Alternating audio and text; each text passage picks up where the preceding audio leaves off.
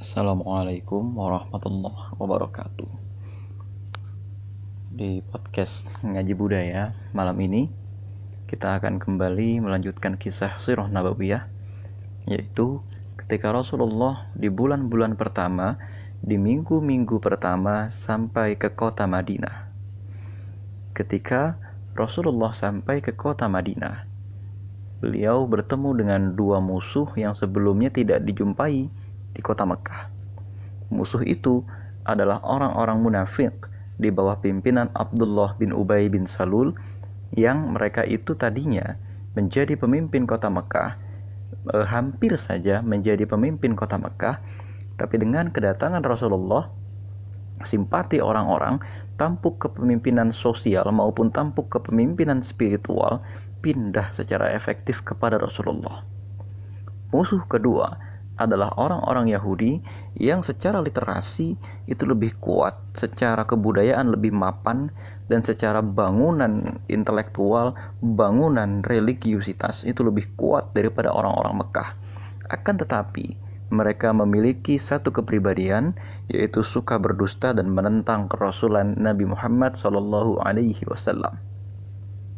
Tidak ada masalah dalam dalam cara mereka memahami tauhid dalam arti mereka juga mengetahui bahwa Allah itu satu, Allah itu esa, tidak berwujud dan seterusnya, mirip sekali dengan ajaran Islam. Tapi pangkal perbedaannya adalah uh, pada persoalan kenabian Nabi Muhammad. Maka rekan-rekan sekalian, penting dari sini untuk kita memahami bahwa syahadat itu tidak cukup dengan la ilaha illallah. Aku bersaksi tiada ilah selain Allah. Mengapa? Karena orang Yahudi pun seperti itu. Hanya yang menjadi masalah, orang-orang Yahudi itu tidak mengakui kerasulan Muhammad. Orang-orang Yahudi itu tidak mengakui ajaran yang dibawakan uh, melalui lisan dan perilaku Nabi Muhammad. Tidak mengakui sunnah Rasulullah. Inilah bahayanya. Tapi bukan itu bahasan kita kali ini. Bahasan kita kali ini adalah masuk Islamnya seorang sahabat Nabi yang tadinya adalah seorang pendeta besar Yahudi. Pendeta besar Yahudi ini e, masuk Islam dalam arti cara masuk Islamnya itu dramatis yang kemudian bisa memberikan bekal kepada kita dalam menghadapi wabah virus corona ini. Hari ini terjadi macam-macam wabah di dunia ini tahun 2014 sampai tahun 2016 terjadi wabah virus Ebola ya di mana Ebola itu menyerang di Afrika dan membunuh sekitar 11.000 orang di sana. Dan tahun ini 2020 terjadi serangan virus COVID-19 atau virus corona yang hari ini saja ya pada hari Sabtu tanggal 21 Maret 2020 ini sudah membunuh sekitar 10.000 orang. 3.000 orang di antaranya dari Cina, 3.000 orang yang lain dari Italia. Nah, rekan-rekan sekalian, apa sih yang bisa kita petik dari masuk Islamnya Abdullah bin Salam, pendeta Yahudi ini, dengan apa yang terjadi di dunia hari ini? Rupanya masuk Islamnya beliau ini tidak akan jauh-jauh dari pembahasan kita mengenai bagaimana akal sehat kita dalam menilai sesuatu. Apa itu kebenaran? Apa yang dimaksud dengan kebohongan dan bagaimana cara kita memisahkan antara kebenaran dengan hawa nafsu. Sehingga kalau kebenaran itu tidak sesuai dengan hawa nafsu kita, ketika kebenaran itu tidak sesuai dengan perkiraan dan perhitungan kita, apakah kita masih akan tetap memandang itu sebagai kebenaran atau bukan? Saya akan ceritakan dulu secara singkat. Suatu hari, ini yang bercerita Anas bin Malik, ya. Suatu hari, uh, seorang pendeta Yahudi Ya, kata Anas bin Malik mendengar kedatangan Rasulullah saat itu eh, Rasulullah sedang berada di sebuah tanah yang tandus dalam arti lagi berjalan gitu ya. Eh, lalu kemudian Abdullah bin Salam ini mendatangi Rasulullah karena apa? Orang-orang Yahudi ini memang sudah lama mendengar bahwa akan ada seorang rasul, seorang nabi yang datang ke kota Madinah. Karena dalam kitab mereka sendiri sudah mereka ketahui bahwa sifat-sifat kota Madinah itu sangat bersesuaian dengan sifat-sifat e, tempat yang akan dijadikan sebagai basis dakwah Nabi terakhir itu. Kemudian Abdullah bin Salam datang dengan beberapa pengikutnya menanyakan sesuatu kepada Rasulullah untuk memastikan ini beneran nabi atau bukan. Nah, apalagi Abdullah bin Salam ini adalah seorang pendeta. Dia bukan bukan orang Yahudi biasa. Dia adalah seorang pendeta yang dalam arti memahami betul bagaimana kaum Yahudi dan memahami betul bagaimana e, sifat ajaran Yahudi yang diajarkan di kota Madinah. Abdullah bin Salam berkata kepada Rasulullah, Aku akan menanyakan kepadamu tentang tiga hal yang tidak diketahui kecuali oleh seorang nabi. Nah, apa yang pertama kali menjadi tanda kiamat? Kata Abdullah bin Salam. Yang kedua, apa makanan penghuni surga yang pertama kali? Dan yang terakhir, apa yang menyebabkan seorang anak cenderung menyerupai bapak atau ibunya? Nah, kemudian di sini Rasulullah langsung bersabda, Jibril yang telah memberitahu memberitahukan aku mengenai hal itu. Kemudian Abdullah bin Salam ternyata agak uh, kaget. Kenapa kaget? Jibril tanyanya. Iya, kata Rasulullah ia adalah malaikat yang menjadi musuh orang-orang Yahudi. Artinya di sini Rasulullah sudah punya data gitu ya eh, bahwa memang sebelumnya gitu sudah ada beberapa orang Yahudi yang mendatangi Rasulullah dan kemudian orang-orang Yahudi itu berdebat dengan Rasulullah hanya kemudian perdebatan itu dengan case close. Case close-nya kenapa? Karena kemudian perdebatan itu berakhir ketika Rasulullah memberitahukan mereka bahwa wahyu itu diturunkan dari Jibril. Kenapa? Ya, karena mereka punya keyakinan bahwa Jibril itu musuh mereka. Mengenai mengapa Jibril dijadikan musuh mereka, karena mereka beranggapan Jibril lah yang kemudian memberikan mereka hukuman pada saat Nabi Musa pergi ke Bukit Rusina dan kemudian Jibril memberikan wahyu kepada Nabi Musa untuk menghukum Bani Israel pada saat Bani Israel membuat sapi ini hadisnya banyak sekali yang menerangkan mengenai ini, tapi ini bukan porsi kita. Mengapa e, Bani Israel menjadikan Jibril sebagai musuh, tapi kemudian Bani Israel menjadikan Mikail sebagai penolong mereka. Nah, terus kemudian mengenai ini turunlah wahyu Allah gitu ya dalam surat Al-Baqarah ayat 97 sampai 98. A'udzu billahi minasyaitonir rajim. Qul man kana aduwwan li Jibril fa innahu nazzalahu ala qalbika bi idznillah. Musaddiqan lima bayna yadayhi wa hudan wa bushra lil mu'minin. Man kana aduwwan lillahi wa malaikah wa rusulihi wa Jibril wa Mikal fa inna Allah aduwwun lil kafirin. Barang siapa yang menjadi musuh Allah, malaikat-malaikatnya dan rasul-rasulnya, Jibril dan Mikail, maka sesungguhnya Allah adalah musuh bagi orang-orang yang kafir. Artinya begini, nanti kaum Yahudi sebelum kedatangan Abdullah bin Salam ini menanyakan berbagai hal dan intinya ternyata ending-endingnya Bani Israel ini bertanya kepada Rasulullah, siapa yang mewahyukan Al-Quran itu kepadamu? Ternyata ketika Rasulullah jawab itu Jibril, ya, ternyata mereka menolak itu semua. Padahal itu semua bukan ketetapan dari Taurat. Padahal Nabi Musa sendiri diturunkan wahyunya itu dengan perantaraan Jibril, bukan dengan perantaraan Mikail. Nah, ini yang kemudian menjadi masalah. Kembali kepada percakapan Abdullah bin Salam dengan Rasulullah tadi. Setelah Abdullah bin Salam memastikan bahwa yang datang itu Jibril, ternyata Abdullah bin Salam tetap melanjutkan pertanyaan kepada Rasulullah. Karena apa? ternyata pada saat itu Rasulullah membacakan sebuah ayat ya yang tadi Qul man kana aduwwan Jibril fa innahu nazzalahu ala qalbika biiznillah Barang siapa yang menjadi musuh Jibril maka Jibril itu telah menurunkan Al-Qur'an ke dalam hatimu Bagaimana kalian bisa memusuhi Jibril sedangkan Jibril lah yang memberikan wahyu kepadaku Jibril itu yang memberikan wahyu kepada para nabi Mengapa kalian hendak memusuhi Jibril? Rupanya Abdullah bin Salam di sini mau mendengarkan Rasulullah lebih lanjut. Kemudian Rasulullah berkata, Tanda kiamat yang pertama kali adalah api yang menggiring manusia dari timur ke barat. Sedangkan makanan yang pertama kali dimakan oleh penghuni surga adalah hati ikan paus. Dan kata Rasulullah, e, bagaimana anak bisa menyerupai orang tuanya. Jika mani laki-laki mendominasi mani perempuan, maka anaknya akan menyerupainya.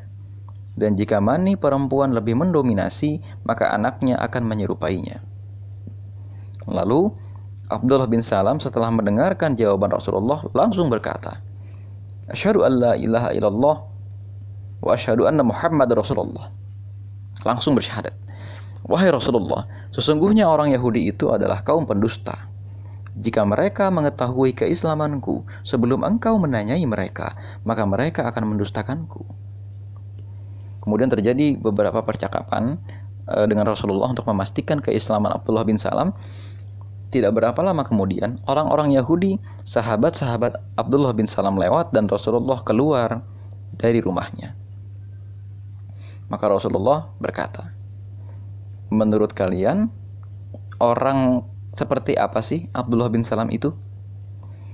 Nah, kemudian orang-orang Yahudi ini menjawab, "Oh ya, dia adalah orang yang terbaik di antara kami, putra orang yang terbaik di antara kami, pemuka kami dan putra pemuka kami."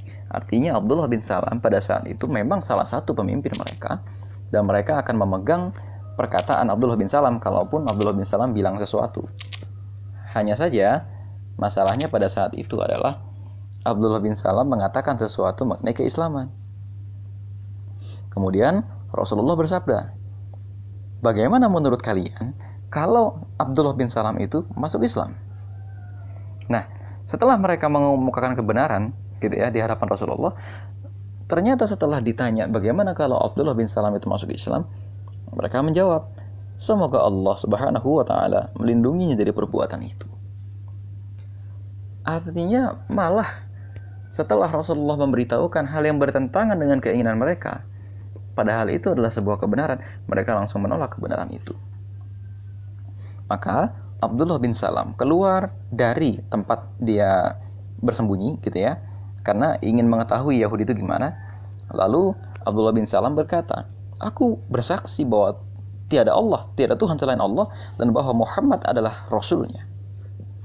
Lebih lanjut, Abdullah bin Salam berkata, Ini yang aku khawatirkan, wahai Rasulullah, kata Abdullah bin Salam. Mereka pasti mendustakanku, gitu loh intinya. Jadi kalau kata e, dari masuk Islamnya Abdullah bin Salam ini kita bisa belajar bahwa ada satu kaum, ada satu kelompok orang yang tidak mau menerima kebenaran kecuali kalau kebenaran itu bersesuaian dengan hawa nafsunya. Nah, rekan-rekan sekalian, inilah yang kemudian membuat kaum Yahudi itu menjadi terlaknat. Kenapa? Karena balik lagi sekarang begini. Mereka sama-sama menyaksikan bahwa Abdullah bin Salam itu orang yang terbaik. Tapi kemudian ketika Abdullah bin Salam itu masuk Islam, mereka malah mendustakan Abdullah bin Salam seolah-olah mereka tidak mengenal Abdullah bin Salam. Ini masalah logika. Kadang orang mengerti bagaimana cara menggunakan logika, tapi kemudian memilih untuk tidak menggunakan logika mereka. Mengapa? Karena kesombongan. Atau yang kedua, karena preferensi pribadi atau gara-gara pemilihan politik pribadi. Karena kan memang sejak awal suhu hubungan Yahudi dengan Rasulullah itu panas. Panas. Panasnya kenapa? Karena memang ada ada suhu politik di sini. Mereka menginginkan bahwa Nabi itu membela mereka. Eh, malah ternyata Nabi itu malah menyalahkan mereka. Nabi itu malah mendobrak habis ajaran agama mereka. Mereka mengira Nabi itu akan diutus kepada mereka sebagai pemimpin mereka untuk membangun peradaban yang bisa dilihat secara fisik. Membangun peradaban yang kemudian bisa dilihat keberhasilannya secara militer, yaitu memerangi orang-orang Arab. Ternyata Nabi itu bukan berasal dari kalangan Bani Israel, tapi malah berasal dari kalangan bangsa Arab. Apa yang terjadi? Mereka malah menentang Nabi itu. Bahkan alasannya dicari-cari. Ternyata yang turun kepada Nabi Muhammad itu Jibril bukan Mikail sudah tidak ada lagi alasan kita untuk mengimani Nabi Muhammad dan begitu. Nah, tapi orang-orang Yahudi ini tahu bahwa Nabi Muhammad itu betul-betul seorang nabi. Hanya yang menjadi masalah kesombongan mereka dan ketidakmauan mereka untuk menggunakan logika mereka. Rekan-rekan sekalian, agaknya hari ini inilah yang terjadi di sekitar kita. Banyak orang mengetahui kebenaran, terutama dalam menghadapi virus corona misalnya. Kita sudah sepakat bahwa virus adalah ciptaan Allah. Virus itu tunduk kepada satu sunatullah. Bahwa virus itu memang menyebar melewati cairan tubuh yaitu droplets ya melalui droplet. Droplet itu kan cipratan cairan tubuh yang berbentuk tetesan. Ketika kita berbicara atau ketika kita batuk bersin atau ketika kita uh, misalnya membuang dahak dan seterusnya. Tapi kemudian di antara kita gitu ya masih ada yang yang mencoba mengkaji ini secara hawa nafsunya sendiri. Bahwa ini konspirasi dan seterusnya. Bahwa ini memang sengaja disebarkan oleh negara-negara maju untuk menindas negara miskin. Ya padahal yang kita tahu selama ini justru angka kematian dan angka uh, infeksi virus corona ini angka infeksi COVID-19 ini tertinggi itu bukan di negara-negara miskin bukan juga di negara Islam. Ya di Amerika Serikat itu data yang terinfeksi sudah di atas 4000 sementara di Indonesia yang terinfeksi itu belum ada 500 sampai dengan hari ini. Ya di Italia misalnya itu sudah mencapai angka 4000 8000 bahkan. Yang mati itu sudah 3000 lebih. Itu di Italia lalu kita masih mengatakan ini adalah konspirasi barat untuk menghancurkan Islam ada lagi yang mengatakan bahwa virus ini e, digunakan orang untuk sengaja mematikan azan agar azan tidak berkumandang lagi. Ada lagi yang mengatakan bahwa ini adalah semacam usaha untuk mendepopulasi manusia, padahal usaha untuk mendepopulasi manusia itu jauh lebih mudah daripada pakai virus gitu ya. Jauh lebih mudah misalnya mengobarkan peperangan atau jauh lebih mudah menciptakan kerusuhan atau jauh lebih mudah misalnya dengan mencemari sumber air daripada misalnya menciptakan virus yang biaya menciptakan virusnya saja sudah sangat mahal. Hanya saja sekarang begini, hari ini gitu ya, kita masih ada di suhu postkolonial. Saya kalau ingin menjelaskan sedikit ya, postkolonial itu adalah satu kondisi ketika jejak-jejak eh, atau bukti-bukti penjajahan itu masih tersisa di peradaban negara atau peradaban bangsa yang habis terjajah. Ada dua contoh gitu ya. Ada dua kasus kasus yang pertama itu kasus yang membenci kasus kedua itu kasus yang menerima atau akulturasi ya adaptasi. Yang membenci itu misalnya ya kita selalu menganggap bahwa bangsa kulit putih atau bangsa kulit apa bangsa Cina atau misalnya bangsa Arab misalnya itu sebagai bangsa penjajah. Sehingga apa pun yang datang dari bangsa penjajah itu selalu kita tolak. Padahal penjajahan itu sudah berlalu sekitar ratusan tahun lamanya misalnya. Ada lagi yang konteksnya akulturasi misalnya kalau kita membangun rumah itu sekarang rata-rata menggunakan eh, model bangunan Eropa. Ya kita tidak lagi menggunakan arah angin misalnya atau hari ini misalnya ketika kita berpakaian ya kita selalu menggunakan jas sebagai pakaian formal padahal itu pakaian dari Eropa itu adalah bukti e, semacam ya pembuktian teori postkolonial postkolonial itu adalah ilmu yang mempelajari sisa-sisa penjajahan pada sebuah bangsa. Nah, rekan-rekan sekalian, hari ini sisa-sisa penjajahan itu masih ada di negeri kita. Buktinya apa? Dalam nalar pikiran kita sendiri, kita selalu menganggap apa pun yang terjadi di negeri kita seolah-olah adalah konspirasi global untuk menghancurkan negara kita.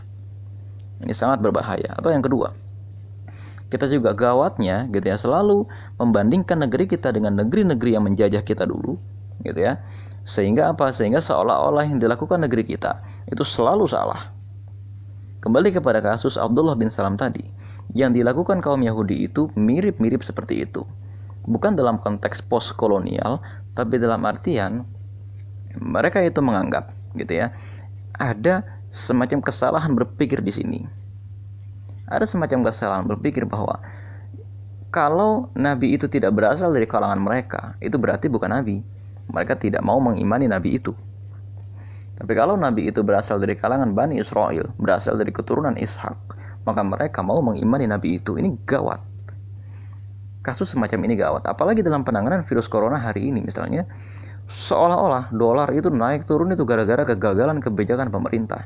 Padahal ini adalah reaksi alami gitu ya atas naik turunnya uh, atau reaksi alami atas Eh, terjadinya sebuah bencana alam. Jadi rekan-rekan sekalian, jangan sampai kita malah punya karakter seperti kaum Yahudi yang kemudian kita tuh kalau kalau berpikir itu berpikir yang tidak perlu.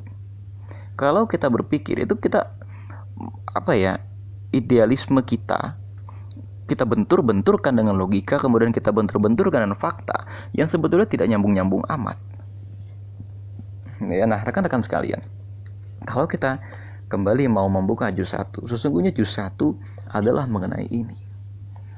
Mengenai bagaimana kita bersikap atau bagaimana kita meletakkan logika pada tempatnya sehingga kalau tadi menurut penuturan Abdullah bin Salam ini kan sebetulnya bukan masalah siapa yang menurunkan wahyu kepada Rasulullah.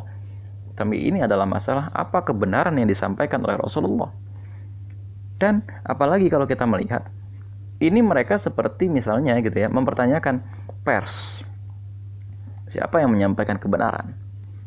Ya kan? Bukan kemudian pada substansi kebenarannya.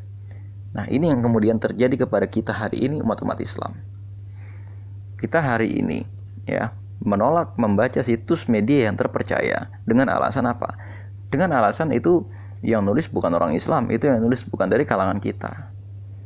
Sementara kalau yang nulis itu blogspot atau yang nulis itu broadcast dengan kata kunci Islam atau dengan kata kunci ustadz siapa atau disebarkan oleh akun ustadz-ustadz terpercaya kita. Seolah-olah itu adalah kebenaran yang sudah tidak memerlukan lagi metode uh, klarifikasi. Padahal misalnya untuk kantor berita BBC itu dia menerapkan sistem depth uh, jurnalisme gitu ya. Jurnalisme in depth. Maksudnya apa? Itu jurnalisme mendalam yang rujukan mereka itu adalah jurnal satu. Atau yang kedua mereka tidak lagi menerapkan jurnalisme statement. Jurnalisme statement adalah jurnalisme yang berdasarkan omongan orang di quote dijadikan judul omongan orang yang di quote dijadikan judul itu bukan sebuah berita tapi itu adalah sebuah opini Kenapa? Karena sudah pasti isi beritanya merupakan tafsiran atau isi beritanya merupakan konteks dari peristiwa tempat tokoh tersebut mengeluarkan statement dan ditempelkan tanpa kemudian memperhatikan konsekuensi kebenaran yang muncul dari teks tersebut. Ya, sebuah teks itu mengandung informasi, mengandung data dan mengandung kebenaran konteks. Ini dalam teori linguistik gitu ya. Dalam teori linguistik ini agak-agak agak sulit. Uh, kalau mau saya terangkan gitu ya. Contohnya begini. Saya mengatakan bahwa saya lapar. Nah informasi yang terkandung melulu hanya saya lapar. Ya artinya saya yang ngomong Amar Arisalah saya lapar. Dan data yang dikandung adalah gitu ya yang ngomong oh Amar Arisalah itu sedang lapar itu data yang dikandung tapi kemudian konteksnya nah ini konteks ini repot Misalnya, saya sedang lapar tapi kemudian ada gambar, ada kalimat yang menunjukkan bahwa saat itu sedang jam jam 4 malam, eh, jam 4 pagi gitu ya. Dan saya berkata saya lapar, itu berarti bisa ditafsir bahwa saya sedang sahur. Terus kemudian nanti ada media yang menulis bahwa saya sedang sahur dan saya mengatakan saya lapar. Nah, tafsiran semacam inilah yang kemudian membahayakan pikiran kita. Inilah yang kemudian Mengapa kita harus memeriksa kembali media yang ada tanpa kemudian bersikap membeda-bedakan media hanya karena dia dari golongan kita dan dia bukan dari golongan kita. Inilah yang menimpa Bani Israel di masa Rasulullah. Karena apa? Akhirnya kebenaran tidak bisa tersampaikan kepada kita. Coba kita lihat hari ini.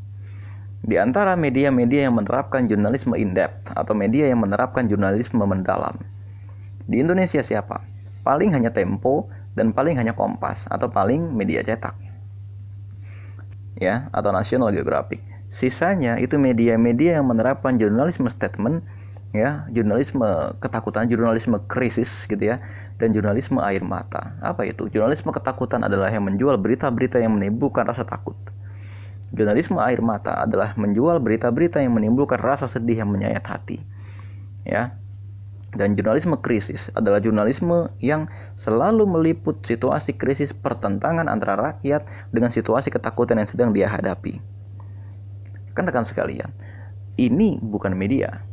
Artinya kalau kita hari ini menolak kebenaran hanya dengan alasan yang membawakan itu bukan dari golongan kita, tapi kita tidak mencari substansi kebenaran, maka yang terjadi adalah kita akan menjadi orang yang tidak tahu cara berpikir. Berpikir itu butuh dua hal, satu alat berpikir yaitu logika kita. Yang kedua, bahan berpikir yaitu informasi. Kalau kita punya sedikit sekali bahan informasi untuk kita pikirkan, tapi kita punya alat untuk berpikir, maka yang terjadi adalah kita akan melakukan cocok logi. Inilah yang kemudian dilakukan oleh orang-orang Yahudi dari Bani Israel. Ya, mereka melakukan cocok logi. Sampai kemudian dalam sebuah ayat di surat Al-Baqarah, ya, wa idh qala Musa wa idh qataltum ya Musa lan nu'mina laka hatta narallaha jahrah fa akhadhatkum sa'iqah dan seterusnya. Wahai Musa kami tidak akan menyembah Allah kecuali kami lihat Allah itu wujudnya seperti apa. Hatta narallah sebelum kami melihat Allah jahrah dengan dengan jelas dengan terang tidak samar. Ini repot gitu ya kita bukan kepada substansi kebenarannya tapi kemudian kita ternyata merasa punya punya mekanisme klarifikasi kebenaran sendiri yang malah membuat kita jauh dari kebenaran rekan-rekan sekalian inilah ya apa yang bisa kita pelajari dari kisah masuk Islamnya Abdullah bin Salam di hadapan Rasulullah dan tafsir surat Al-Baqarah atau tadabbur surat Al-Baqarah ayat 97 dan 98. Assalamualaikum warahmatullahi wabarakatuh.